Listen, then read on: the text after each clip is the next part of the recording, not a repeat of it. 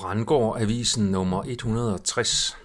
WHO sniger den ind via EU uden samtykkeerklæring. Mit navn er Per Brandgård, og det er den 8. juni 2023. Det er ikke nok at stoppe WHO. Vi skal også stoppe EU fra udrulningen af det digitale diktatur. WHO og EU offentliggjorde den 5. juni deres samarbejde om globale digitale vaccinepas på en fælles konference i Genève. Det norske medie Steigan fremhæver i den forbindelse, at vaccinepas selv internt i FN er kontroversielle. UNESCO's verdenskommission for videnskab og teknologi og UNESCO's internationale bioetikkomité udgav således i juni 2021 en fælles udtalelse, som advarede om, at, og jeg citerer, et hvert covid-19-certifikat bør indføres og implementeres med stor forsigtighed og bør tage hensyn til videnskabelig usikkerhed angående graden af beskyttelse, som specifikke vacciner, tidligere infektioner og negative covid-19-testresultater giver. Citat slut. I lyset af disse bekymringer foreslog FN-organerne, at, og jeg citerer, et forskningsprogram bør udvikles for at vurdere deres indvirkning på samfundet og folkesundheden og risikoen, de kan medføre. Citat slut. Steigan specificerer, at den nye pressemeddelelse fra WHO og EU ikke nævner fremdriften i dette forskningsprogram, eller om det i det hele taget er etableret. Jeg kan kun være enig i Steigans retoriske spørgsmål.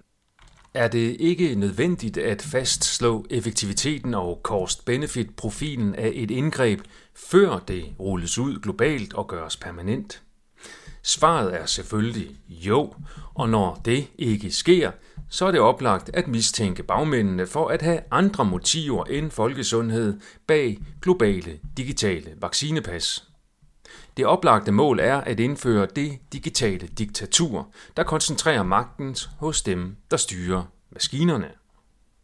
Jeg ser samarbejdet mellem WHO og EU om de globale digitale vaccinepas som forberedelse af det operationelle niveau, hvis WHO får grønt lys fra medlemsnationerne ved næste års møde i World Health Assembly. Det er samtidig en forberedelse af en plan B, der går ud på at indføre det digitale diktatur via EU i stedet for WHO, hvis pandemitraktaten og IHR-ændringerne ikke bliver vedtaget næste år. Problemet for WHO-diktatorerne er dog, at EU er regional og ikke global som WHO, så det er derfor kun en plan B. Vi kan samtidig forvente, at krav om digitalt vaccinepas allerede på kort sigt indføres ved rejser mellem EU-lande, i det EU har jurisdiktion her. Der er dog heldigvis intet af det, der er indført krav om endnu, men vi ved nu, at de arbejder på det, og WHO vil også prøve at angribe vores sundhed og frihed via EU-fronten. Folkets medier har bragt en tankevækkende video af et vidneudsagn fra læge Peter A. McCullough, fremført ved retten i staten Arizona i USA. Dr. McCullough lagde til grund, at tre separate kilder er kommet frem til samme konklusion. 100.000 af amerikanere har mistet livet på grund af covid-vaccinerne. Et studie af Pantasatos og Seligman anslog, baseret på amerikanske folketællinger og vaccineadministrationsdata, at 178.000 liv gik tabt på grund af covid-19-vaccinerne alene i 2021. Skidmore og kolleger fra Michigan State University konkluderede, at 278.000 amerikanere døde i 2021 af covid-vaccinerne. Josh Sterling, en førende forsikringsanalytiker, har anslået, at covid-19-vaccinerne er ansvarlige for omkring 600.000 ekstra dødsfald om året. Dette er mere end borgerkrigen, understregede McCullough.